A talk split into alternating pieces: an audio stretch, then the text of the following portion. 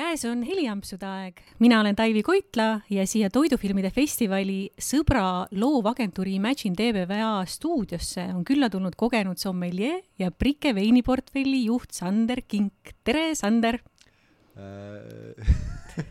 tere, ma just tahtsin parandada, et ma päris nagu veiniportfelli juht ei ole, aga eks ma midagi kaasa ikka räägin, et meil on seal nagu tiimitöö ikkagi, et no inglisekeelne ametinimetus sul e-kirja all igatahes on äh, portfolio manager, nii et, et, et otsetõlkena justkui ju tundub korrektne, on ju? jah, mingi osa portfellist, ütleme niimoodi, et on seal minu, minu manageerida ja noh ja hoiatusena ütleme ka, et juttu tuleb alkoholist, seega tarbige vastutustundlikult ja alkohol võib kahjustada teie tervist. nii, aga tagasi Sandri juurde Sander, restoranimaastikul ja kogenud veinisõprade hulgas sa ilmselt tutvustamist ei vaja, aga räägi nendele, kes te tegelevad ja tegutsevad igapäevaselt teistes valdkondades, et mis su taust on, kust sa tulid, kust sa tuled, millal sa alustasid veinimaailmas ja, ja kuidas see kõik on kulgenud sinnamaani välja, et sa nüüdseks Prikes toimetad? No väga vahva küsimus ja mm, ma ei taha nagu liiga pikaks seda vastust ajada, aga, aga ütleme nii, et ma sain nagu üsna varakult selle veinipisiku kätte. kuidagi leidis tee minuni mingisuguse pigem siukse kvaliteetse pudeli veini näol. ja päris ausalt öeldes tekkiski mingisugune klikk või side selle, selle toote sisuga ja, ja ma hakkasin esialgu noh, iseseisvalt hakkasin ikkagi nagu rohkem uurima veini kohta. guugeldasingi toorelt Italian wine ja siis äh, sealt lugesin ja võtsin mingisuguseid äh, erinevaid äh, mingeid trivia teste tegin internetis ja, ja see kõik oli, ma arvan, et mis ta võis jääda nüüd, viieteist aasta tagusesse aega umbes. Ja tol ajal ma töötasin ka restoranides, olen töötanud erinevates, siis sai ka nagu igapäevases töös kokku puutuda erinevate veinidega. Ja, ja ma järjest liikusingi restoranimaastikul siis edasi siukse, ütleme, Äh, tummisema, sisukama ja laiema äh, veinikaardi poole, kuni siis lõpuks maandusingi seal Oko restoranide grupis, täna neil on vist üheksa restorani, kui ma ei eksi, tollal oli vist seitse, kui ma seal, kui ma seal ise lõpetasin. mis aastal sa Siigur gruppi läksid siis? ma arvan, et see võis olla vist kaheksateist äkki, ei, varem, kuusteist kaks tuhat kuusteist, ma arvan. kas sa olid siis kohe peasommeljee või proovisid kätt natukene? tead, ma läksin sinna, seal vist ei olnudki enne nagu päriselt nagu sommeljeed töötanud, nad töötasid öö, oma selle restorani nii-öelda kvaliteedi ja, ja imago kohta üsna siukse tagasihoidliku veinikaardiga minu silmis ja seda tegelikult nagu läksingi sinna, ma ütlesin kohe töövestlusel, et kuule, et see, selle asja peame nüüd küll korda tegema et seal oli vist äh, see Noa Chef Soul, mis tol ajal oli siis Eesti parim restoran mitu aastat järjest. Et seal oligi, noh, ma arvan, mingi kakskümmend pudelit veini, et isegi nagu parema tahtmise juures ei saanud seal mingisugust äh, sisukat valikut teha või lausa nagu raha kulutada kas äh, sina vastutasid siis kogu selle grupi erinevate restoranide veinivaliku eest või?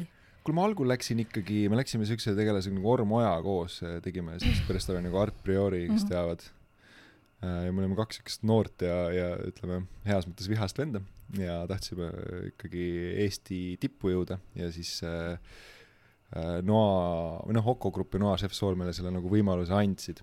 ja, ja sinna minnes siis vastuseks küsimusele nüüd, et me läksime ikkagi esialgu tegema seda Noa Chef Souli niimoodi, et viia see nagu siis justkui järgmisele tasemele versus äh, too aeg, mis ta oli enne, enne meid. ja esialgu keskendusime ikkagi Chef Soulile, aga ma sealt nagu noh tasapisi nagu vaatasin, et sealt nagu saaks ka teistes restoranides nagu saaks paremini, saaks efektiivsemaks teha seda, kasumlikumaks, mis iganes.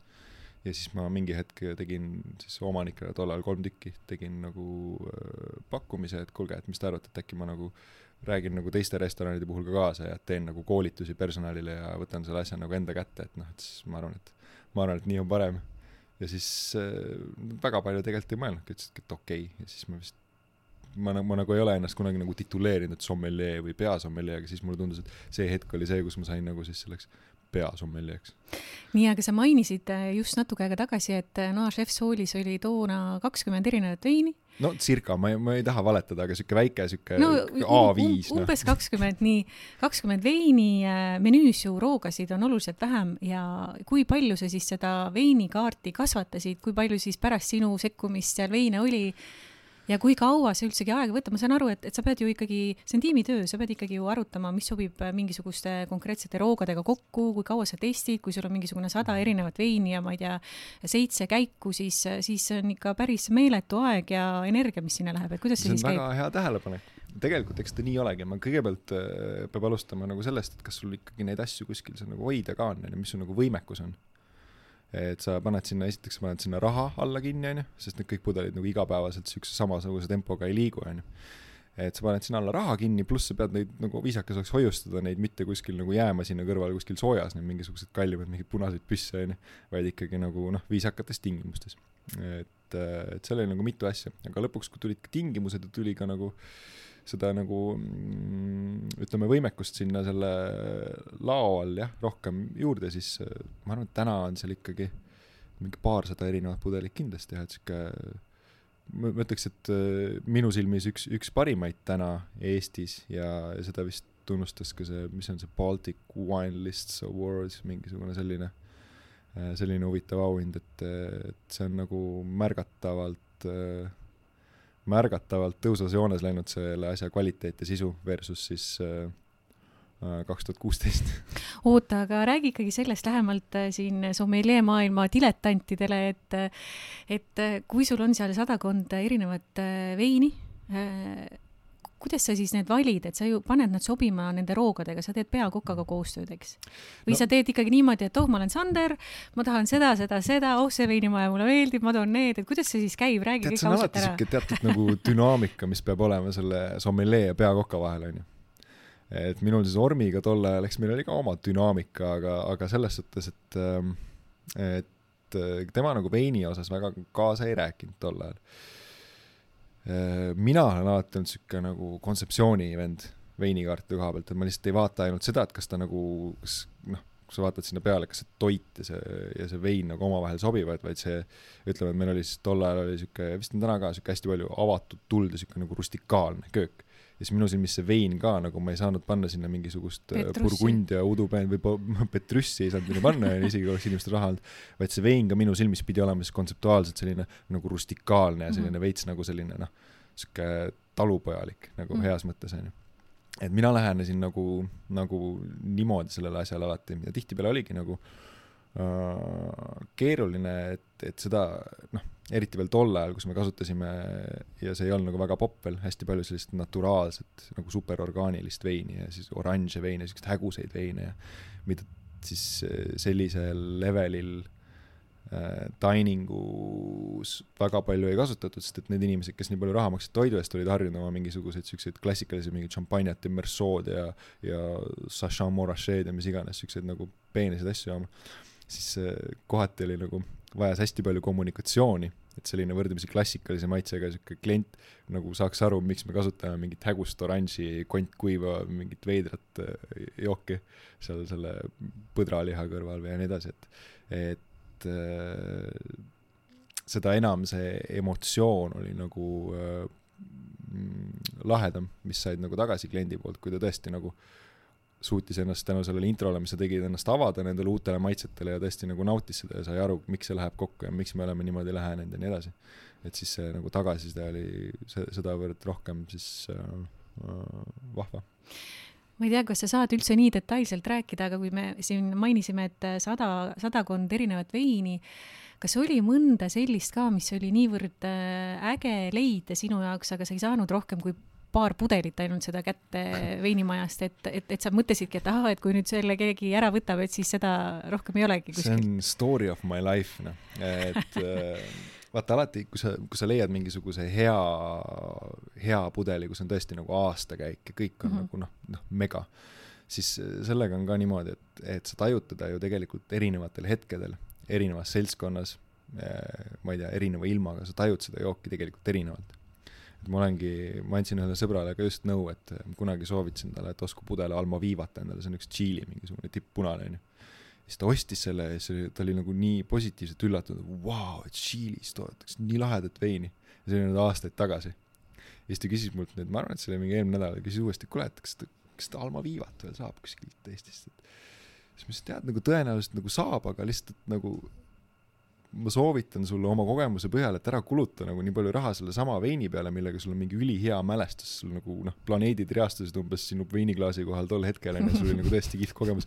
et chances are, et sa nagu täna võib-olla nagu mingis teises kontekstis mingi teise aastakäigu sama veiniga nagu ei, ei pruugi sinna nagu jõuda, proovi midagi muud vaata, madalate ootustega mm. -hmm aga ma ei tea, kas ta ostis selle pudeli või mitte, aga, aga nii palju, kui ma olen nagu ise selles teemas sees olnud, veini teemas, siis kaks pudelit väga harva maitsevad erineval ajahetkel erinevas seltskonnas mm -hmm. identselt mm -hmm. hästi mm. -hmm aga sa ikkagi ei vastanud mu küsimusele, et, et kas see oli siis nii, et, et mõnda seda veini, mis sa valisid välja, saigi ainult paar pudelit kätte veinimajalt või? muidugi, muidugi, kogu aga aeg. kuidas sa neid äh, veine siis üles leidsid, et, et kas sa nagu reisisid mööda maailma ja valisid ise või sul olid Eesti vahendajad ikkagi või, või sa käisid oksjonitel või kuidas see äh, käis? me otsustasime, vähemalt Oko grupiga otsustasime, et me ei hakka ise nagu veel maale tooma, et see on nagu liiga palju siukest ähm, noh, tegutsemist et me kasutasime ikkagi oma nende distribuutorite teeneid, aga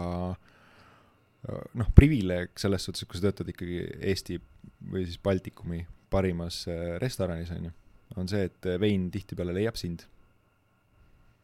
ehk sa ei pea nagu ise neid igalt poolt ilmtingimata otsima, vaid tüübid helistavad sulle ja ütlevad, et kuule, mul on nagu mingid lahedad asjad, et tahad proovida ja siis, kui töötab, siis sa üritad, üritadki mingisugusele kogu selle nagu käpa peale panna, nii palju kui, nii palju kui võimalik, onju aga siin ongi paslik korraks hüpata veinimaailma pettuste juurde ka, et äh, veinimaailma pettused on ka selline üsna mahlakas äh, nähtus ja, ja väga laia sellise värvilise spektriga, et alates sellest, et äh, kuni miljarditesse ulatuvad veinipettused kollektsionääride ja oksjonite kontekstis, siis kaks tuhat kakskümmend kaks oli ju see legendaarne lugu, kui üks tuntud šampanjabränd, mida ma ei hakka siin eetris nimetama, mille pudelist avastati vedelat ekstassit ja inimesed, kes seda tarbisid, restoranis äh, surid ära ja, ja siis on järgmine selline noh, niinimetatud lihtsam kategooria, kus, kus ongi võltsitud veinid, mida leiab jaekettidest ja mis on hästi levinud näiteks Aasias, et et kõigepealt küsin, ma küsin sellise kahefaasilise küsimuse su käest, et kõigepealt seda siis, et et kui need veinid teid ise üles leidsid seal Siigur grupis, et, et kas sattus sellist kahtlast kraami ka? ja teine küsimus, mida ma küsin siia, et, et mis sa sellest veinipettustest üldse nagu sellest tähelepanelikkusest, kui sina suur reisisin reisisel ka ringi vaatad ja, ja Aasias eriti veiniriiulites, et kas sa kohe tunned ära, et, et see on äh, kahtlane kraam, et see ei ole nüüd küll Bordeaux äh, piirkonnast ja, ja nii edasi?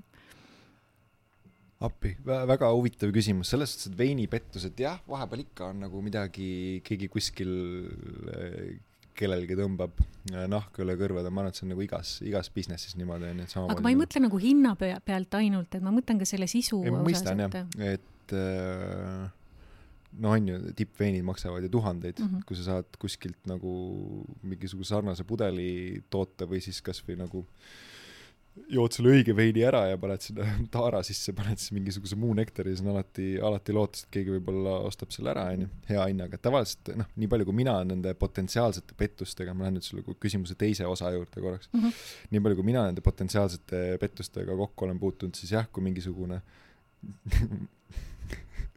ma ei taha nüüd nime öelda, ütleme, kutsume ta Diimaks.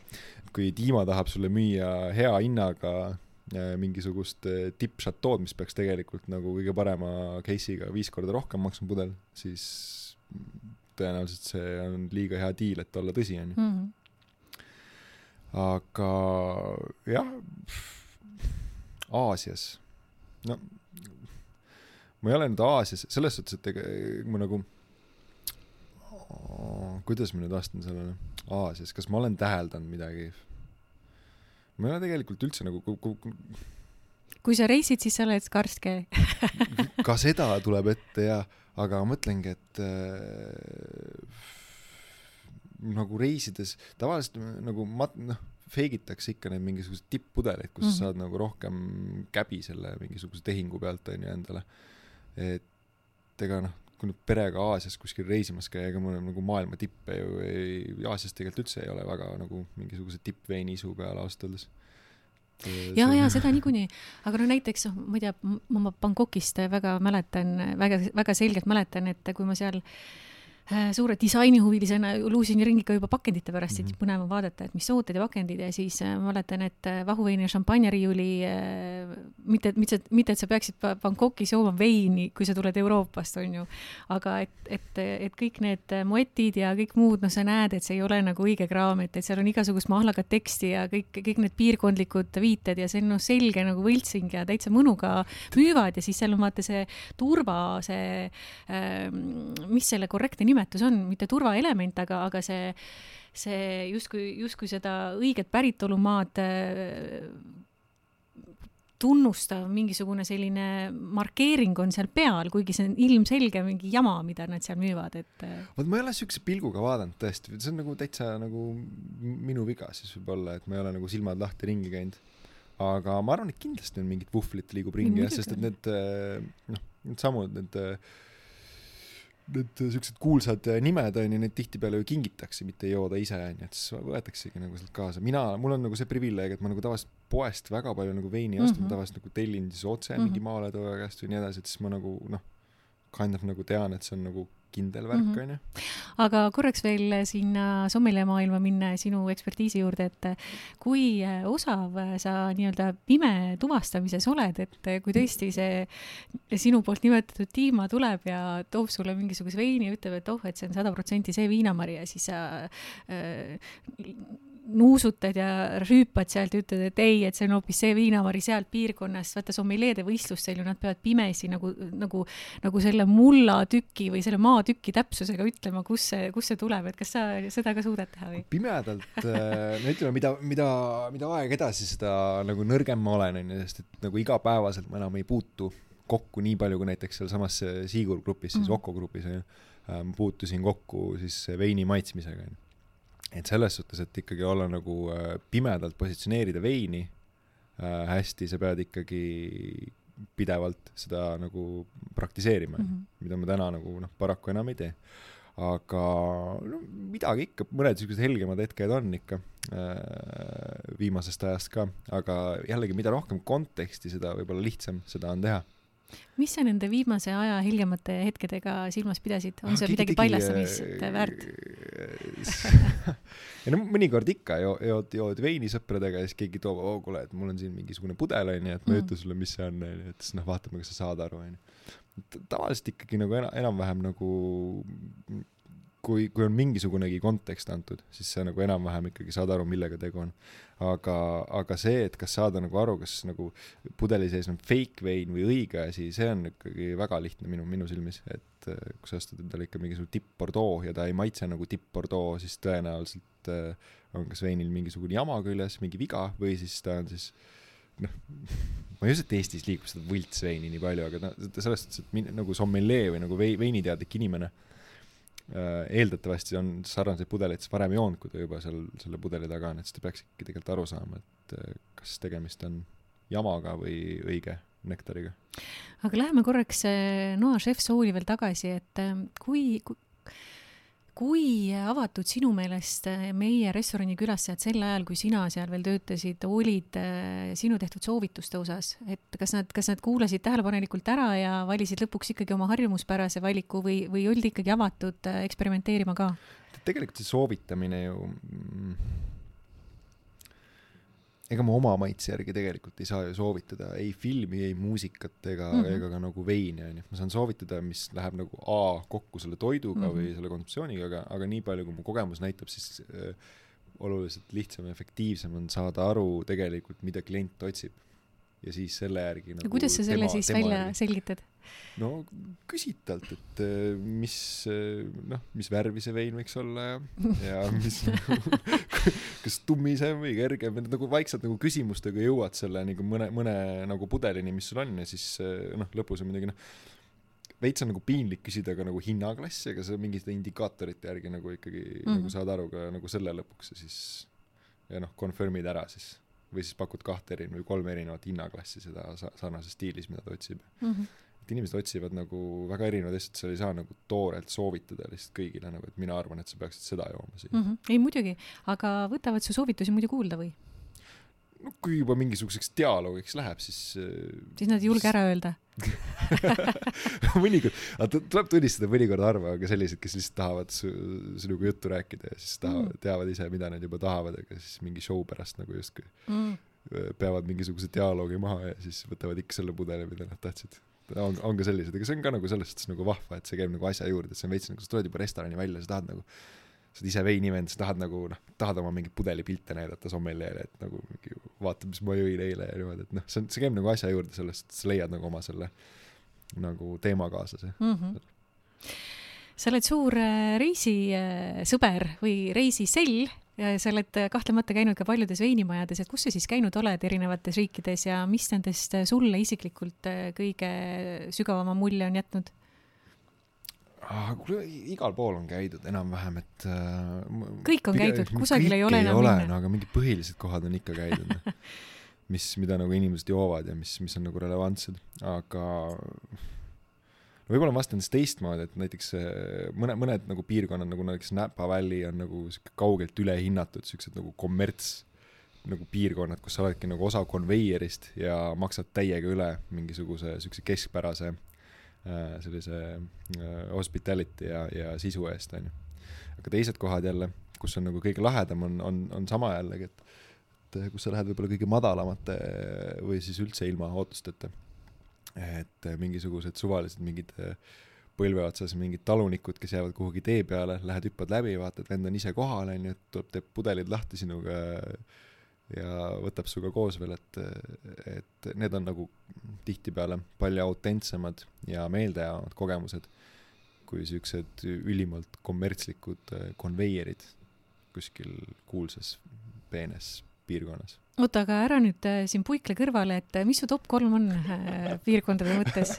erinevate põhjustel, see ei pea, kusjuures oh, alati see ei peagi olema ju vein, et noh, näiteks kui mina Portugalis käisin Toro piirkonnas, siis noh, see maastik on oluliselt ilusam kui mõningad veinid, mida seal proovitud sai, et et, et kogu et, kogemus on ju, mitte ainult ja, jook on ju. no mulle väga meeldib äh, Toskaanas aga seal on jällegi mingisugused isiklikud äh, teatud kogemused, mille pärast mulle meeldib selle ja seal ma olen nagu mitu korda käinud ja ma juba tean, mida otsida, kuhu minna, et et ma lähen seal Maremma Toskaanas, ma lähen ühe selle taluniku juurde, kellel on seal see lehmakari onju Biotodo on selle koha nimi, siis ma küsin sealt Mauritiot, Mauritio lõikab mulle bistecca di Fiorentina seal, pakin selle kokku, lähen Lorenzo juurde, kes teeb seal äh, Sangiovesest ühed minu, ma arvan, lemmikud veinid üldse äh,. teeb seal biodünaamilist äh, Sangioveset ja siis me grillime steiki ja räägime juttu ja joome veini, et see on nagu minu siuke väike nagu happy place, et mitte mingisugune udupeen asi mm, -hmm.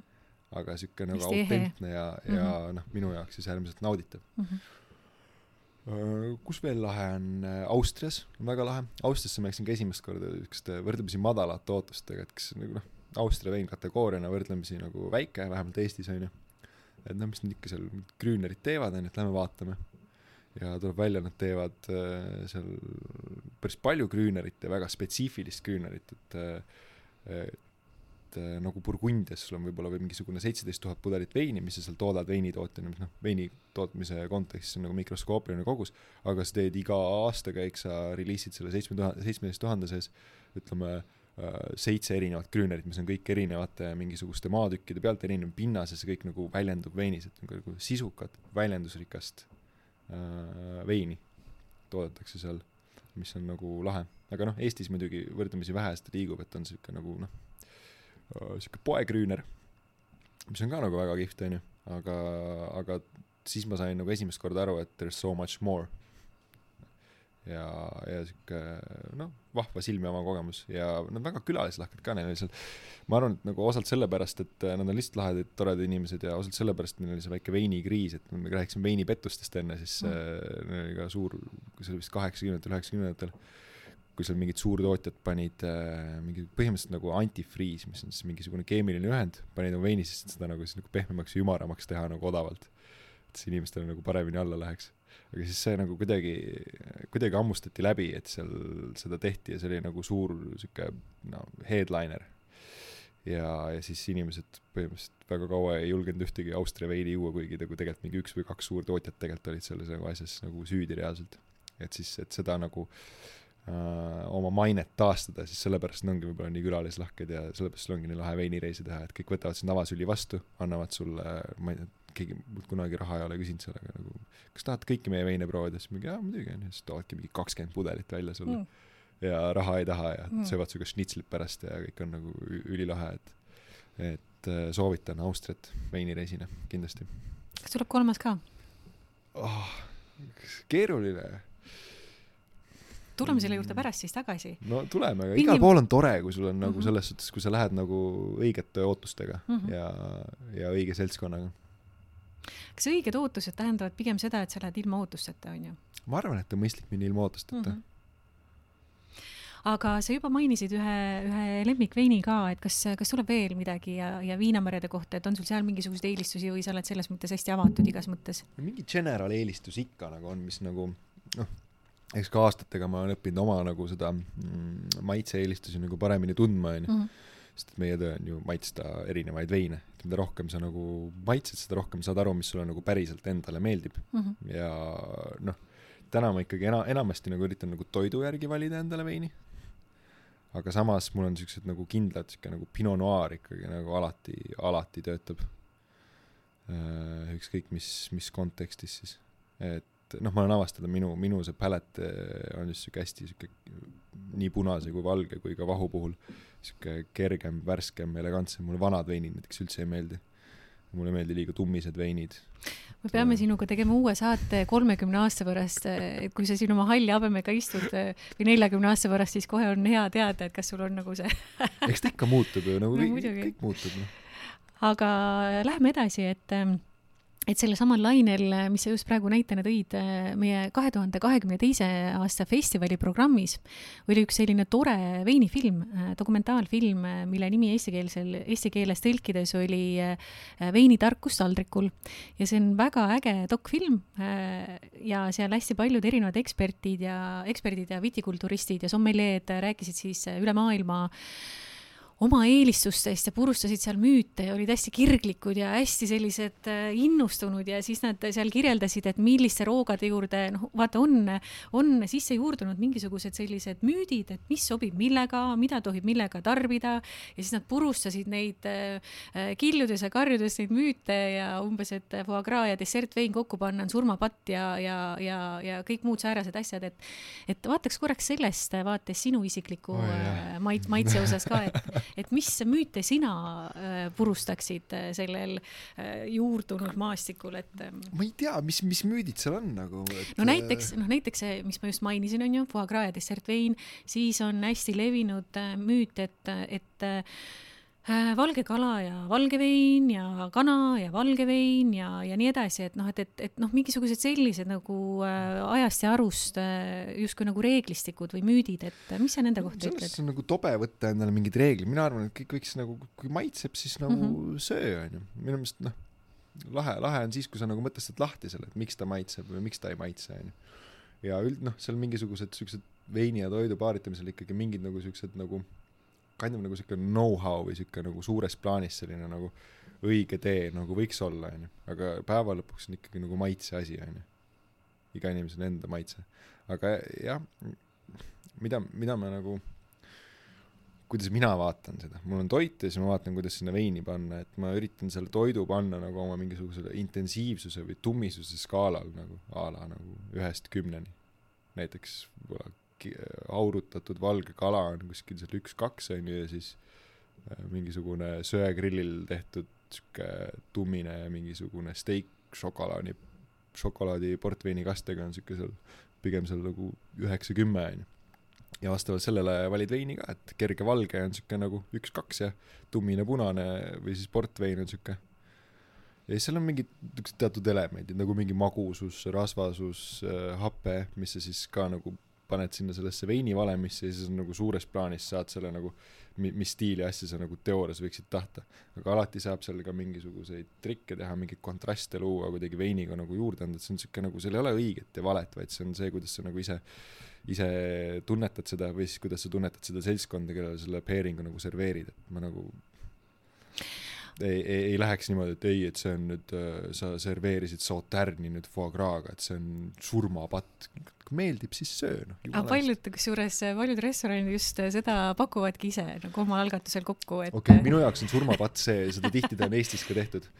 minu jaoks on surmapatt see, kui sa teedki nagu oma selle pairing'u selle onju, veinipeeringu kuskil mingisuguses käigukas restoranis onju ja siis sa alustad mingisuguse kabinet, mingi off-dry, siukse nagu poolmagusa riislinguga, sul mm. ongi seesama, see foie gras on esimene käik. see on minu jaoks surmavaat, ma ei taha seda esimesena juua, see on rõve, ma tahan aperitiivset, kerget, värsket, val-, valget, ilma suhkruta mingisugust asja juua, mis tõmbaks mul mahlad käima. mitte mingisugust nagu poolmagusat mingit asja, sest et see töötab selle käiguga, mis peakokk on soovinud esimeseks panna. et see on nagu noh. Kindel ei. minu jaoks jah, aga jumala eest, ma arvan, et inimestele, kellelegi maitseb, onju. jaa, no eriti need, kes ainult magusat veini joovadki, onju. aga, aga sa enne mainisid, et ikkagi on mingisugune roadmap või selline reeglistik, baasreeglistik, millest tihti nagu lähtutakse vastavalt nagu, siis sellele. nagu hügel ju selles. absoluutselt, aga, aga äh, kas on olnud ka midagi sellist, et äh, sinu enda jaoks isiklikus vaates, et, et justkui nagu reeglistik ja need baasteadmised äh, räägivad selle vastu, aga sulle isiklikult tundub, et noh, nii hästi sobivad kokku, et äh, nad ei peaks kokku sobima, aga no nii hästi töötab, kas sul on mingisugused sellised äh, nüansid ka meenuvad või? ma nüüd ei oskagi nagu kohe mingisuguseid eredamaid äh, asju nagu meelde tuua. midagi ikka, nagu sa rääkisid enne, et see kala võrdub ilmtingimata nagu valge vein ja liha võrdub punane onju et see sihuke üleüldine nagu arusaam just hästi-hästi nagu basic, et seda, seda nagu tihtipeale tegelikult saabki nagu murda, et sul on mingisugune, ütleme mingisugune vähe vürtsikam kalaroog või sihuke bouillabaisse, mis on see Marseille's päris vähe siukse tummisem kalasupp, et need on tegelikult nagu päris tihti on siuksed äh, kergema punase või isegi kui sa paned sinna spice'i korralikult, sa võid sinna isegi ka siukse tummisema punase panna minu silmis. et, et ei, ei pea lähtuma ilmtingimata alati nagu sellest toorainest, vaid vaadata nagu, mis seal, kuidas see nagu valmistatud on ja mis seal see kastmed ja asjad seal kõik teevad ja selle järgi valida vein. aga, aga mingisugused eredamad mälestused või nagu mingid kogemused mingite veidrate pairingutega, ma ei tuleme hiljem tagasi selle juurde, ma vahepeal mõtlen siis. ma, ma ei oska nagu praegu puusalt tulistada. ma kohe põnevusega ootan, et mis osa sinust samal ajal mõtleb, kui me teisi asju räägime, et aga vaatame, vaatame, vaatame, kuhu me välja jõuame. aga mitte kaugele aga läheme äh, targutamise juurde oh. või siis täpsemalt siis veinitarkuste juurde, et äh, räägime kuulaja jaoks lahti järgmiste kategooriate sisu ja erinevused. appi, nii nagu on orgaaniline, biodünaamiline, naturaalne ja vegan oh.. et neid tihti äh, aetakse omavahel segi, aga sina no selle veegani saab sealt kohe välja võtta, et see vegan on nagu noh, vaata veini äh, selitatakse, ehk siis tehakse selgemaks peale neid igasuguseid protsesse. munavalge asjadega. et et mm -hmm. jah, seda saab teha munavalgega, želatiiniga, želatiiniga, härjaverega, mingisugused, ma ei tea, mingid vanakooli mingisugused Toro tootjad võib-olla teevad ja ma ei tea, kes valel joonud siukseid veine. aga noh, teoorias saab, et see mingisugune jama jääb sinna kõik külge kinni mm -hmm. ja see mhm. nagu sätib põhja, onju. Mhm. et minu silmis, võib-olla ma, keegi, mingisugune targem sommelee kindlasti oskab nagu parandada mind, aga minu silmis see vegan vein ongi see, et millega seda veini selitatud on, et see vegan veini puhul siis see välistab sedasama härjavere, onju, kui keegi neid veine kuskilt leiab see välistab želatiini, mis on siis mälestus kalast, onju, ja siis see välistab ka sellesama munavalge, onju. ehk siis ta on mingisugused kemikaalidega, siis betoniidiga selitatud või siis mingisuguse tsentrifuu-, tsentrifuugi tehnoloogia või mingisuguse, mingi, mingi muu, mingi muul viisil selitatud veinid. minu meelest see vegan tähendabki nagu seda veini puhul. hästi, aga naturaalne vot, ja nüüd ongi nagu siis see, nagu ütleme siis tavaline klassikaline vein äh, orgaaniline, biodünaamiline ja naturaalne. Need saab siis kõik enam-vähem nagu samasse patta panna, onju. ja no tegelikult, kui sa tahad üldse teha Euroopa Liidus vähemalt, kui sa tahad toota mm, pudeli, kus sees on siis nagu viinamäära nektar ja kutsuda seda veiniks, siis see on nagu juba on nagu päris palju ettekirjutusi, mida sa võid teha, kui palju sa võid, mis ettekäel nagu lisada, kasutada ja nii edasi. et kui sa tahad toota siis nagu mitte lihtsalt veini, Euroopa Liidus ütleme, või nagu siis orgaanilist veini, siis see nimekiri nendest nagu ainetest on nagu noh, veits lühem, kogused on väiksemad ja nagu mingid herbitsiidid, pestitsiidid ei saa olla nagu nii keemilised võib-olla ja siis võib-olla sulfiidide lisamisega ka on nagu mingisugused teatud nagu mingid maksimumid sulle seatud. et äh, huvitavaks läheb siis, kui sa teed nagu sertifitseeritud biodünaamilist veini, et siis sa pead tõesti nagu ainult siukse äh, orgaanilise, orgaaniliste vahenditega seal töötama ja siis vastavalt ka nagu noh, need ettekirjutused näevad välja, et vastavalt ka nagu siis kuufaasidele või siis nagu nende mm, kosmilistele faasidele, siis pead nagu käituma, no kuufaasid, no it makes sense, vaata, et sul on mm -hmm. nagu kuufaasidega on seotud ka nagu tõus ja mõõn, onju, mhm. suures plaanis, ehk siis maapind nagu imeb vett endasse, maapind nagu pigem nagu lükkab välja midagi, onju, et siis vastavalt sellele nagu noh, väetad ja, ja nagu siis äh, töötled oma seda maapinda seal. Aga jah, ja neil on muidugi see rehmasarve sisse maetud see noh, manure on inglise keeles see viisakas sõna, ma ei tea, kuidas see väljaheide või mm eesti keeles siis. Nad laagerdavad seda ja see on, see biodünaamiline vein on nii popiks läinud, et sul on eraldi ettevõtted, kes nagu laagerdavad, neil on põllud siis maetud nende lehmasarve sisse kakaga ja siis nad toodavad seda vahendit, ehk siis kui sa oled nagu biodünaamiline veinitootja, siis sa ei pea ise neid lehmasarvi maha lõikama sealt ja ootama, laagerdama oma maal, vaid sa saad osta seda juba valmis möksi kuskilt äh, tootjatelt ja siis on naturaalne, mis peaks olema nagu teoorias täiesti nagu hands-off, et nagu vanasti võib-olla mingi tuhanded aastad tagasi tehti, tehti Jal, veini. äh, pressid ära ja siis äh, muutub, äh, natuke muliseb ja muutub lõbusaks, onju, ja siis paned pudelisse. et see on siis nagu see nagu peet nagu natu, naturaalse veini siis suures plaanis see nagu eripära, et nagu hands, hands-off nagu selles suhtes et selleks, et naturaalset veini ikkagi nagu hästi teha ja sisukana teha, nii et oleks väljendusrikas ja ei läheks kuhugi poole nagu kuhugi suunas lappama, siis see minu meelest on nagu sihuke veinivalmistajana, et sa oled nagu ka ainult, kui sa suudad seda teha. aga räägime orange veinist ka. no räägime. räägi sina no on roosa vein ja siis, okei okay no oranž on jah, selles suhtes, et nüüd on juba päris, päris popp see teema mm., ma arvan, et siin ma poes vist päris ei ole näinud, nagu Selveris ja Maximas ja niimoodi aga restodes juba nagu on ja on pokaalis juba isegi sellistes restoranides, mis nagu ilmtingimata ei ole sellised nagu äh, sellise, sellise vibe'iga, kus sa nagu ilmtingimata ootaksid seda. aga oranž jah, nagu suures plaanis on nagu siis tehtud valgetest marjadest, aga nagu punast veini tehakse, ehk siis selle nagu kestadel leotamisega, matseratsiooniga. Ehk siis, kui sa teed, äh, pressid punased marjad ära, siis see mahl on nüüd ikkagi valge, onju punaseks läheb ta siis, kui ta on seal koos nende viinamarja kestadega, see pressitud mahl siis, ja ta kestades siis saab matseratsiooni käigus endale värvi ja, ja rohkem maitset ja tanniini. aga kui sa pressid need valged marjad ära ja jätad sinna nagu kestadele, siis sa saad ka nagu seda värvi, aga valgete marjade puhul saad seda siukest intensiivsemat kollast või noh, läheb siis lõpuks oranžiks onju. ja saad ühtlasi ka sellist punasele veini omast siukest nagu tanniini ja parkainet, eks on paper ta on nagu punane vein, aga siukeste valgele veinile iseloomulike maitsetega ehk siis nagu nende oranžidega saab küll nagu toidu pairing'u mõttes nagu siukseid nagu lahedaid äh,, lahedaid asju teha. sest tal on nagu punase veini struktuur, aga nagu veits teised maitsed. aga seda oranži veini ka nagu enamus on millegipärast nagu need naturaalsed tootjad, kes seda teevad ja siis on ka tihtipeale sihuke nagu noh, kuskil suunas nagu lappes see vein, et ta ei ole nagu sihuke äh, päris sihuke stabiilne et äh, aastakäiguti need hästi-hästi äh, suur erinevus on ja, ja nii edasi, et mõned, mõned üksikud minu silmis, kes teevad nagu järjepidevalt väga head, maitsekat ja sisukat ja väljendusrikast äh, oranži veini.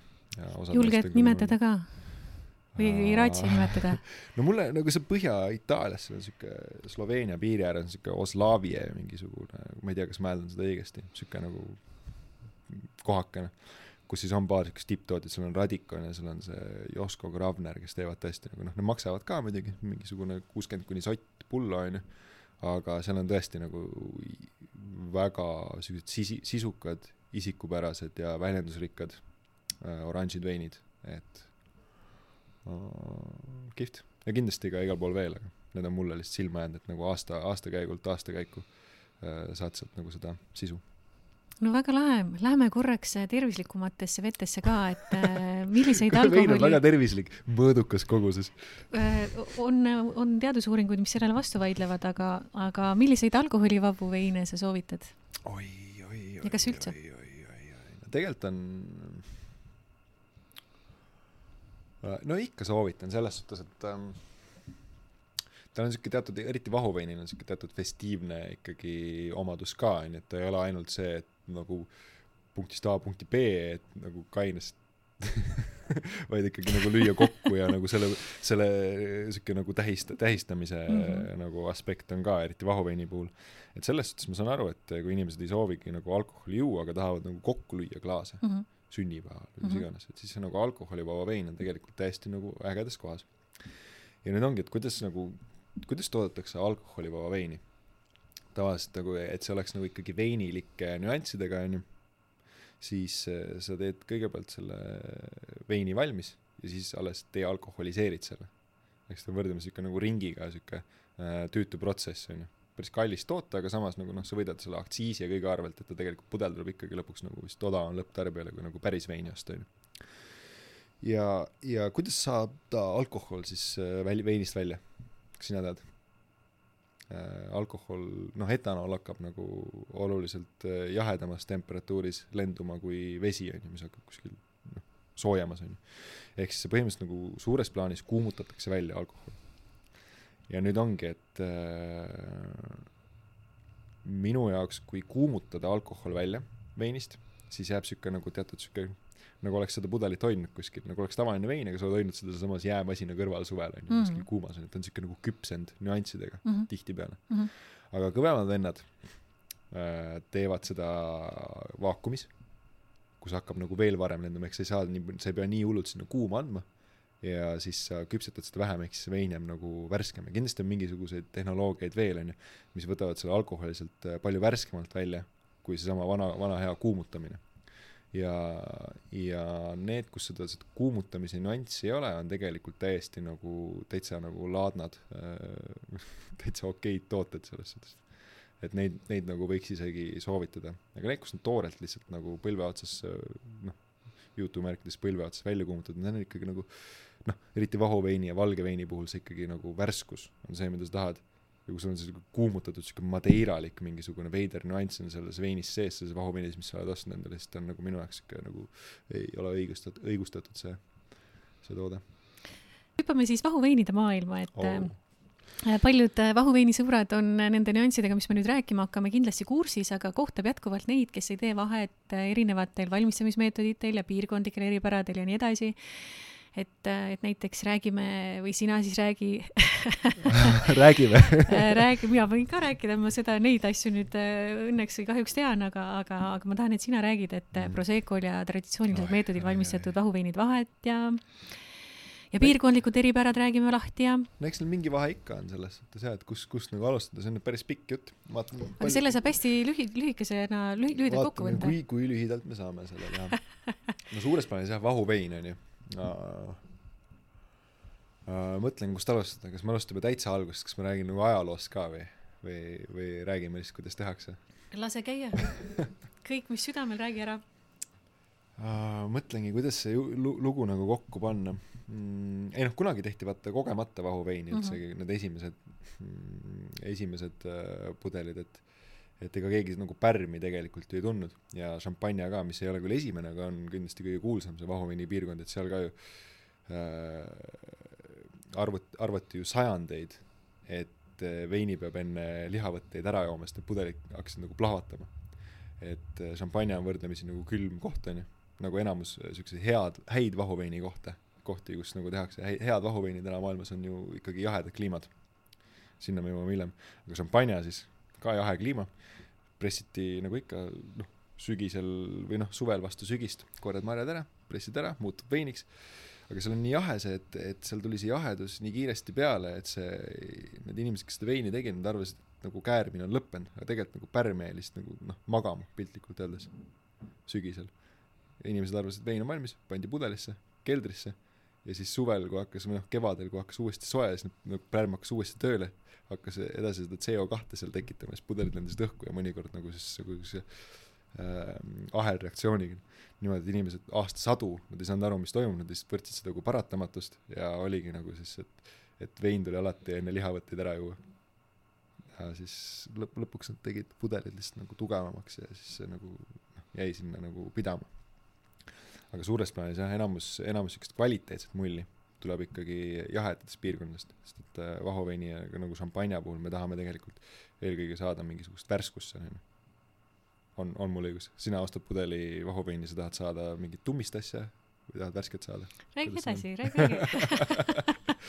mul on värskus, aga muidugi noh, šampanja puhul ta, ta, ta saab aastaid, aastakümneid vana sul keldris, et siis nagu sellest äh, see värskus ei ole võib-olla enam primaarne, kuivõrd need äh, vananemisel iseloomulikud nüansid, mida me tõlgendame kvaliteedina, on seal siis see intellektuaalselt väljakutsuv äh, aspekt, miks me maksame palju raha aga see on nii keeruline küsimus, mul läheb täiega lappama see vastus. aga kuidas kohe... siis tehakse vahuveini? ja ma juhin sind, juhin sind tagasi teele, et, et Prosecco traditsioonilisel meetodil valmistatud vahuveini peamine erinevus on ju äh, Tead. see, et tead, üks meetod on veel, kuidas nagu kõige, kõige rotim viis, kuidas teha on, et sa paned sinna CO2 lihtsalt tunnist sisse mm. -hmm. no Prosecco valmibki mm -hmm. terasvaatides tihti ju, ega nad pudelites ju ei jaa, aga äh, sa valmi. nagu ei, ei pane sinna CO2 sisse, vaid see on ikkagi suures plaanis nagu šampanja meetod, aga lihtsalt ei toimu nagu pudelites individuaalselt, vaid ta tood-, toimub nagu suures tünnis. just et sa ikkagi nagu pärmiga kääritad selle äh, CO2 sinna sisse ja siis sa noh, Prosecco puhul siis nagu pumpad ta ümber pudelitesse mm -hmm. ja seepärast mm -hmm. ka see lõplik rõhk on seal nagu natukene väiksem kui ütleme siis traditsioonilisel meetodil valmistatud vahuveinide puhul aga kui sa nagu üldse seda ei viitsi teha, siis jah, CO2 saab ka sisse panna, ma arvan, et see Sovetskoja, Šampanskoja, siukse, siukse kategooria nagu soomlased ütlevad kükküviini. mulle meeldib see, kõige nagu hinna järgi, vaata, all on kõige madalamad ja üleval on kõige, see kükküviin on niimoodi, sa pead kükitama nende pudelitega et kükküviini puhul võib olla küll see CO2 tünnis tõesti pandud. aga Prosecco on siis nagu šarmaatmeetod ja enamus vahuveinid tegelikult, mida me nagu teame, mis on siis šampanja Cava äh,, Franciacorta, Trento Doc, Cap Classique äh,, mis iganes. Need on kõik ju ikkagi siis traditsiooniline ehk šampanja meetod. seal tulebki lihtsalt, nad teevad baasveini valmis. baasvein, noh, eeldatavasti on see nagu jahedam kliima onju, eks see baasvein on ka selle võrra siuksem nagu hästi sihuke kuiv, hapu, kirbe, sihuke kontsentreeritud. kuskil, ma arvan, et võib mingi üheksa protsendi juures alkoholis olla ja siis pannakse pudelitesse ja siis piltlikult öeldes sihuke tükk pärmi ja tükk suhkrut sinna selle kontkuiva baasveini otsa ja pudel kinni siis ütleme õllekorgiga.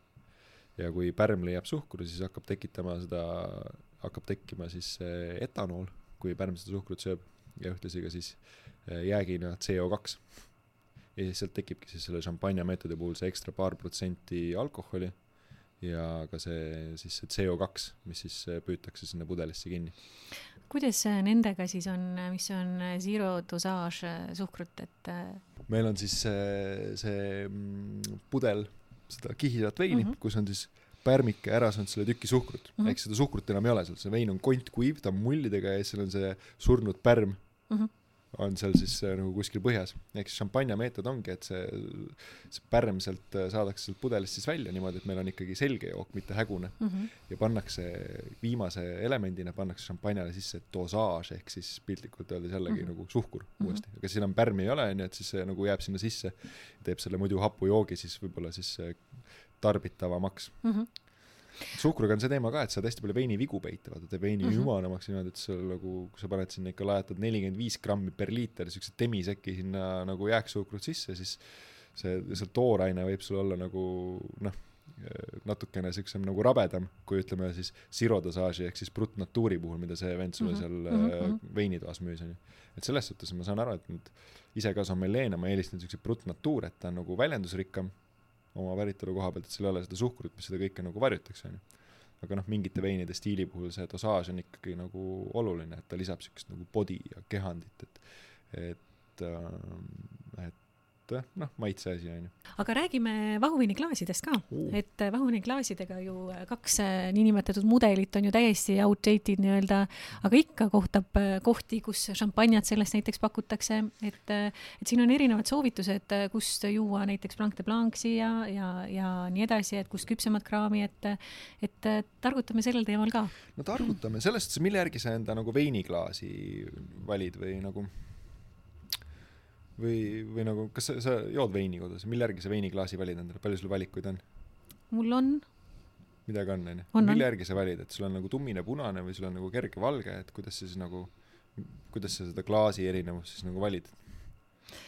see on nii huvitav küsimus, et ma ei oska sellele isegi vastata, ma valin disaini järgi, tootja järgi okay., soovituse järgi, millist äh, veini sellest sobib juua. -huh. Riidelil on alati väga põhjalikud kirjeldused no, näiteks. Riidel on tubli olnud jah, muidugi no üldjuhul on ikka niimoodi, et kui sul on nagu tummine, tummisem vein, onju, Mhm. siis sellel veinil on nagu neid nagu rohkem maitseid, onju. Mhm. ja rohkem maitseid vajab ka nagu suuremat klaasi, muidu see väike klaas nagu kontsentreeriks nii hull noh, noh liiga ära selle valge vein in general, kuna seal pole nagu isegi tanniini ja nagu selles suhtes, et et äh, in general on nagu vähem maitseid kui punases, noh, suures plaanis maitse kui struktuur on ju. ja seepärast ka noh, väiksem klaas tavaliselt valge puhul on ju. Ja šampanja on ka nagu selles suhtes, meil on nagu või noh, ütleme vahuvein ka, et sul on nagu Prosecco, mis on võrdlemisi selline nagu noh, pirni limonaad ja siis meil on mingisugused suured aastakäigu mingid šampanjad, kus on võib-olla mingit tammevaati kasutatud või midagi sellist, onju, et see on nagu täiesti nagu vajab erinevat äh, lähenemist, onju. et vastavalt sellele konkreetsele joogile tasuks klaas valida, aga suures plaanis, mida rohkem maitset, mida rohkem sisu joogil on, seda suurema klaasi nagu võiks valida. Aga, Aga jah seal on ka mingisugused teatud eripärad viinamarja sortidel ja kuidas seal on tamme kasutatud, et kas sa valid seal Burgundia või Bordeaux, aga nagu väga suures plaanis on ju, et sul on nagu noh, suur vein, suur klaas. mõttetu vein, väike klaas. väga hea, see on väga mõnus lihtsustatud, aga kas ma saan siis õigesti sinu delikaatsest äh, vastusest aru, et äh, sina nii äh, äh, kirglik või verine ei oleks nende flöödi ja, ja siis kupp või kupee, kuidas seda eesti keeles öeldakse, see kuulus Marie Antoinette'i rinna ma ei tea, see ongi see mingi kupp või kuidas öeldakse? ma ei teagi, kuidas eesti keeles õige on, dissiklaas öeldakse, ma ei- tea. et, et noh, need see on on, nagu, aga vaata, see jällegi šampanja puhul jällegi on, oled sa nõus, et sellel on alati sihuke ka nagu me, me ei joo, isegi kui me joome kallist šampanjat, siis me ei joo seda alati ilmtingimata maitse pärast, vaid seal on sihuke festiivne äh, mingisugune meele, näiteks head uut aastat, põmm. Mina ei ole nõus. mingisugust nagu vähe, vähe mina olen joonud ikkagi maitse pärast peaasjalikult. aga oled pannud tähele, et nagu paljud inimesed ei joo seda maitse pärast, küll. tähistavad sellega, onju. et selles suhtes see aga no kui sa lähed restorani ja sa tellid endale, siis sa ju noh, tihtilugu ju inimesed ei tähista seal midagi mis mu point on, on see, et sellel dissiklaasil nagu sellest nagu see, sealt mingit lõhna ei saa, vaata see kõik Mhm. läheb sul, kaob ära, onju. mm. -hmm. et ta on siuke, saad selle ilusa püramiidi laduda ja siis nagu mingisugusest Jeroboamist selle nagu täis valada, kõik klaasid, et see on nagu siuke festiivne element sellel, maitse kui sellist väärtust see klaas nagu pigem nagu kaotab ära, onju. aga restoranid tegelikult on nagu, nii palju kui mina restoranis käin, siis tegelikult minu arust Eestis, vähemalt Tallinnas, Harjumaal on see pilt nagu ikkagi võrdlemisi tubli, et on mindud üle sellele nagu veiniklaasile versus flööt. aga ma ei saa aru, kuidas, mida kõik ei ole, ei ole ma ei ole nõus, ma ei ole nõus, ma olen täiesti alati iga kord äh,, iga kord, kui ma olen käinud kusagil, siis äh, topitakse seda flööti ja siis viimasel paaril korral detsembris Tallinnas paaris uues söögikohas mm. Toodigi seda, kuidas sa nüüd elegantselt nimetasid, dissiklaasi oli ja siis ma küsisin äh, valgeveiniklaasi, sest et äh, tegemist ei olnud mingisuguse aastakäigu šampanjaga, et aga, aga ikka jätkuvalt äh, pakutakse, et huvitav, ma ei tea, no ma ja kusjuures nagu šampanja sattunud. piirkonnas muide ka, mis on hästi huvitav, et šampanja piirkonnas, noh, vaata prantslased on muidu ka üsna konservatiivsed, eks mm. -hmm. et, et väga see, mis aasta, kaks tuhat kuusteist või millal see tulpi, tulbikujuline klaas hakkas nagu ilma tegema, kus hakkasid nad rohkem sõna võtma, oli kaks minu tuhat meelest kuus on või üldse? veider, et kõik sommeleed nagu see on ikkagi võrdlemisi vana amet ja ühtäkki siis kõik kollektiivselt avastasid kaks tuhat kuusteist aastal nagu sa ütlesid onju, et kurat, et see flöödist ikkagi tegelikult kruug ei toimi onju. see on nagu tobe, aga nagu te- põhimõtteliselt nagu nii oli. Kru-, kruugimaja mehed ju soovitavad oma va valikut üldsegi pi- Pinot Noiri klaasis juua ju suur. vein, tahab suurt klaasi mida nad enne siis nagu tegid onju, kaheksakümnendatel jõid kõik flöödist või? ja sa, ja just, ja ma tahtsingi sinna jõuda, et need siiamaani on äh, mõned äh, šampanjamajad, mis pakuvadki flöödist. no vaata, mina ei tea, mina olen kasvanud üles ikkagi selle ja nagu sa ütled praegu, et sa said kuskil Eestis ja šampanjas nagu seda flööti onju, et mina nagu võib-olla ei pööra sellele tähelepanu, keegi mulle toob, siis ma lihtsalt küsin nagu muuhulgas küsin, too mulle see valge veiniklaas viitsid või nagu midagi Mm. mm., ma nagu võib-olla ma olen saanud kuskil, aga ma lihtsalt nagu ei pööra sellele liialt tähelepanu, aga ma ise nagu flöödist väga nagu ei, no šampanjat küll ei nagu ei joo, onju, kui mingi kuskil lähed kellegi mingi sugulase sünnipäevale ja sulle valatakse nagu tervitusjook Proseccot kuskile nagu flööti onju, et ega ma siis nagu seal ma ei hakka nagu peenutsema onju, aga kui on tõesti mingi sisukas jook, siis ma nagu küsin uue klaasi endale. no just, aga ma tahtsingi tegelikult sinna jõuda, et, et miks nad siis jätkuvalt Eestis ka pakuvad, kas ei ole nagu seda teadlikkust või, või mis värk on sellega, et miks kuule, ma ei tea, selles suhtes, et eks me ikka nagu noh, eks me ikka üritame nagu, vähemalt Brikes me nagu kui me ikkagi mingisuguse partnership'i nagu teeme mingisuguse Horeca kohaga, siis me ikkagi teeme nagu ka vastava koolituse sellele personalile, sest jah, kõikidel kohtadel ei olegi nagu võimekust või vajalikkust nagu siukse sommelee või siis veiniteadliku äh, personali järgi. Et seepärast siis, kui nad hakkavadki väheke siukseid sisukamaid asju müü-, müüma, siis me teeme neile siukse nagu koolituse ja maitseme läbi, et, et esiteks nagu sellel personalil oleks nagu pädevus ja teiseks nagu enesekindlus müüa ka nagu kallimaid asju, sest mida rohkem kallimat veini me müüme, seda, seda rohkem kõik teenivad, kõik osapooled, onju. et, et noh, see on ju ilmselge oota, aga, aga, aga räägime siia siis selle flöödi ja muude nende kujude juurde korraks ka seda korrektset äh, serveerimismahtu või kogust äh, klaasi kohta, kui me räägime šampanjast näiteks. no mis on? no mis on? Mm, see korrektne kogus peaks olema tegelikult vastavalt nagu klaasile, et minu meelest mm -hmm. nagu kolmveerand täis flööt on ikka päris õudne mm, -hmm. et mhm. või siis see, eriti see dissiklaas on ju, mis me kokku leppisime, see kuidas sa arvad, et flööt peaks siis täidetud olema? Triiki. ma ei teagi, minu meelest flöödi puhul ei olegi nagu vahet no.. kusjuures šampanja piirkonnas ja, ja Itaalias nad pakuvad ju ikkagi triiki. no vaata Prantsusmaal üldse nagu, tegelikult nagu on lahe vaata, käid seal kuskil nagu bistroos söömas, sul on see väike siuke nagu pitsi moodi siuke ümar veiniklaas, mis vaadatakse sulle punast veini nagu triiki täis. Tegelikult see on nagu lahe onju. aga sealt ei saa nagu sealt aga mis see korrektne nagu on siis, räägi oma tarkusi meile mulle meeldib niimoodi, et oleks kuskil seal nagu ikkagi alla poole kõvasti, et mm -hmm. sa saad nagu seda asja nagu ringi ka keerutada, sa oled nagu selle... üks kolmandik siis eh,? neljandik isegi võib-olla mm. -hmm. et äh, nagu vähem korraga. no aga flöödi sisse oleks ikkagi patt üks neljandik panna. siis ta on nagu veider, see on nagu mõtlengi, et sa oled nagu klaasist, aga flöödis ei saagi nagu seda keerutada Just. ringi tegelikult onju.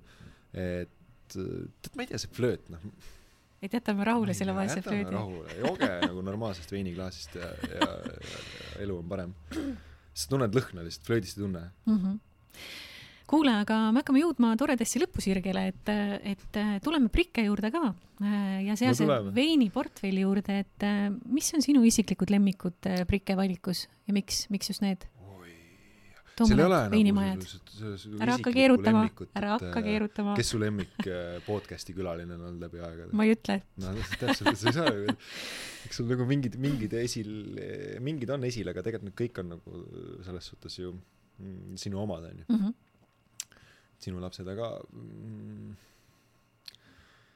Uh, mulle meeldivad siuksed nagu underdog'id, et, et ikkagi nagu noh, veinil peab nagu sisu olema, onju. ehk siis me ei räägi nüüd päris mingisugusest Äh, noh, ma ei saa öelda, mingisugune bag-in-box'i vein mu nagu lemmik oleks oma sisult, on ju, et see on ikkagi nagu teise, teise eesmärgiga, on ju, et niisuguse inimestele koju kuskile grilli kõrvale niisama, on ju, nautimiseks, on ju, igapäevaselt. et mulle meeldivad ikkagi nagu endale siuksed nagu sisukamad asjad, aga ma enne, enne ka nagu ütlesin, et siuksed nagu mu maitse on läinud siukseks kergeks ja värskeks. ehk siis sihuke, sihuke mõnus sihuke sharp mingi valge või sihuke vahukas, värske kuskilt mingisugusest võib-olla mitte liiga tuntud piirkonnast mind nagu tõesti noh Mm, kõnetab. ja veits siuksed underdog imad, ehk siis nagu mitte nagu šampanja ilmtingimata onju, vaid just siuksed nagu äh, näiteks Lõuna-Aafrikast on meil üks väga tore äh, siuke kroone, mis on tõesti nagu hinna-kvaliteedi suhe on nagu täitsa nagu minu maitse järgi. ja kõik siuksed nagu Franciacorta äh, Trento, Doc, siuksed nagu vähem tuntud alad vahuveini jaoks, mis ei ole nagu nii kommerts, aga samas sealt tuleb nagu väga sisukat ja väärikat äh, toodet. Need mulle meeldivad. kui palju sa Brike sisseostule kaasa saad rääkida ja kas üldse? kuule, meil on ikka sihuke mm, mm selline asi nagu ostukomisjon, et me saame seal siuksed teravamad ninad saavad kokku ja siis äh, kas sa kuulud ka nende teravate ninade hulka? ma loodan küll, tavaliselt kuulun jah, veini puhul vähemalt. aga seal on nagu nii palju, noh, sa alati ju võtad tooteid, uusi tooteid nagu erineva eesmärgiga, onju, et mhm. noh, kuhu, kuhu nagu sellesse, mis kategooriasse ta nagu kuulub, onju. et me üritame siis nagu aru saada, kas ta selle, selle kategooria siseselt siis on nagu see õige toode, onju. et noh, minu puhul vähemalt, onju ma olen seda juba aastaid rääkinud, kui ma töötasin restoranis ja kui ma töötan nüüd seal, kus ma täna töötan, mis iganes, et ma nagu enda maitse järgi tegelikult võrdlemisi harva, kui üldse, valime veini. me üritame ikka aru saada mm, -hmm. kas nagu turg tahab, jah? Äh, mida, mida nagu see turg soovib, onju. Mhm. ja vot see on, see on see pähkel aga mõned üksikud maitsevad endale ka, et mis on nagu või noh, mitte no väga hea palju, paljud maitsevad onju, aga selles suhtes, et mis need on siis et, et nad on need siuksed kerged, värsked, siuksed heledamad, valged jah, midagi, midagi pole teha, noh, on siuke, on sihuke lihtsamaks läinud see palett. kuule, aga siin ongi paslik lõpe, lõpp, lõpusirgele jõudes hakata võlgu klaarima. et äh, esimene, esimene võlg, mis meil õhku jäi, oli siis see kolmas äh, veinipiirkond, mille sa top kolmes siis. mis me rääkisime, meil oli äh, Toskaana, meil oli Austria, Austria. Mm -hmm. no ütleme siis ikkagi, et äh, võib-olla Uus-Meremaa Central Otago on kõige lahedam, kus ma olen käinud. ja seal on siuksed veinid, mida nagu, mis nagu väga palju siia ei jõua, ehk seal oli hästi palju siukest kohalikku väiketootjate siukest huvitavat isikupärast äh, kuulikraami, mida sai proovida toredates äh, veinimajades. Et see võib olla siis siuke äh, meeldejäävam, aga noh, sinna väga tihti ei satu, olgem ausad mm.. kahjuks küll. ja kui ma nüüd õigesti mäletan, siis äh, teine võlg, mis meil jäi õhku, puudutas äh, sinu eelistusi veinimajade kontekstis, et ühe sa nimetasid. mis ma nimetasin kas,, kroone või? ei, ei, Kroone oli nüüd Prike osas tuli meil küll korraks lauale, aga sa Itaaliast nimetasid. sul seal Barolo piirkond ei jätnud mingit muljet? Aa, tead, ma ei ole seal nii piisavalt palju kolanud, et ma oskaks nagu, oskaks nagu hullult seal nagu kaasa rääkida tootjate, see on hästi keeruline piirkond, hästi sisukas piirkond ja kui ma punast joon, siis ma selle Barolo järgi haaran.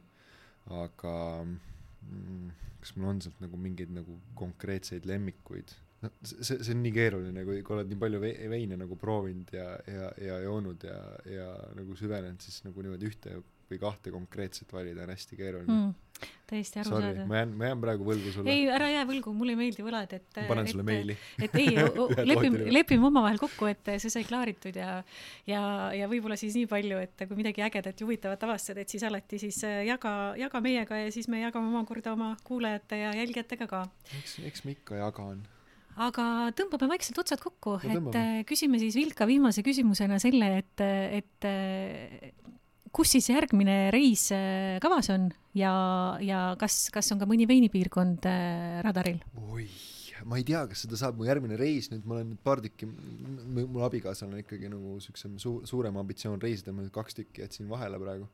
ma siia viskan, viskan kohe, viskan kohe vahele ka selle, et, et Instagramis siis The Kingstagram on siis see, mida, mida võib neid reisiseiklusi jälgides siis äh, uudistama hakata seal midagi on jah. ja, aga lähme, lähme tagasi sinu juurde. aga mul abikaasal on hästi suur see ambitsioon reisida jah, et ähm, mul endal nagu nii hull, hullult ei põle sellega, et nüüd paar tükki jätsin vahele, aga järgmine ma ei tea, kas seda saab veinireisis kutsuda, aga märtsi alguses on sinna veinimessile minek, et see mm. võib-olla kvalifitseerub ka veinireisina. see on siis Saksamaal või kus? Saksamaal jah, Düsseldorfis on üks suur veinimess mm Mhm. -hmm. ja siis seal lähme otsima erinevaid no kõigepealt sa saad nagu kokku oma nende veinitootjatega ja siis kui on midagi mingid plaanid siis lähed otsima seda vastavat äh, sisu et äh, saab huvitava no, veinimess see ei kõla nagu nii romantiliselt nagu ta võiks kõlada et seal ikkagi lähed ja proovidki sada viiskümmend veini ja sülitad kõik välja et see on ikkagi noh töö noh mm. -hmm. ja, aga ma olen kuulnud kiidusõnu selle kohta, et see on ikkagi üliprofessionaalne valik ja väga huvitavaid leide leiab sealt, et, et selles mõttes väga lahe ega. niisama ei lähe jah, selles suhtes seal ongi nagu kõik, kõik asjapulgad on ju koos ja kui sa lähed sinna mingi plaaniga, siis on lootust, et midagi leiad ka, et aga väga tore, aitäh sulle, Sander, selle mõnusa lobisemise eest. aitäh sulle. mis me leppisime kokku, et neljakümne aasta pärast äh, tuleme jah, vaatame üle, mis seis on. aga aitäh ka hea kuulaja, mina olen Taivi Koitla ja stuudios oli külas veiniekspert Sander Kink. salvestus toimus kahekümne üheksandal jaanuaril kahe tuhande kahekümne neljandal aastal Ima- Imagine DBVA loovagentuuris. aitäh kuulamast! tšau.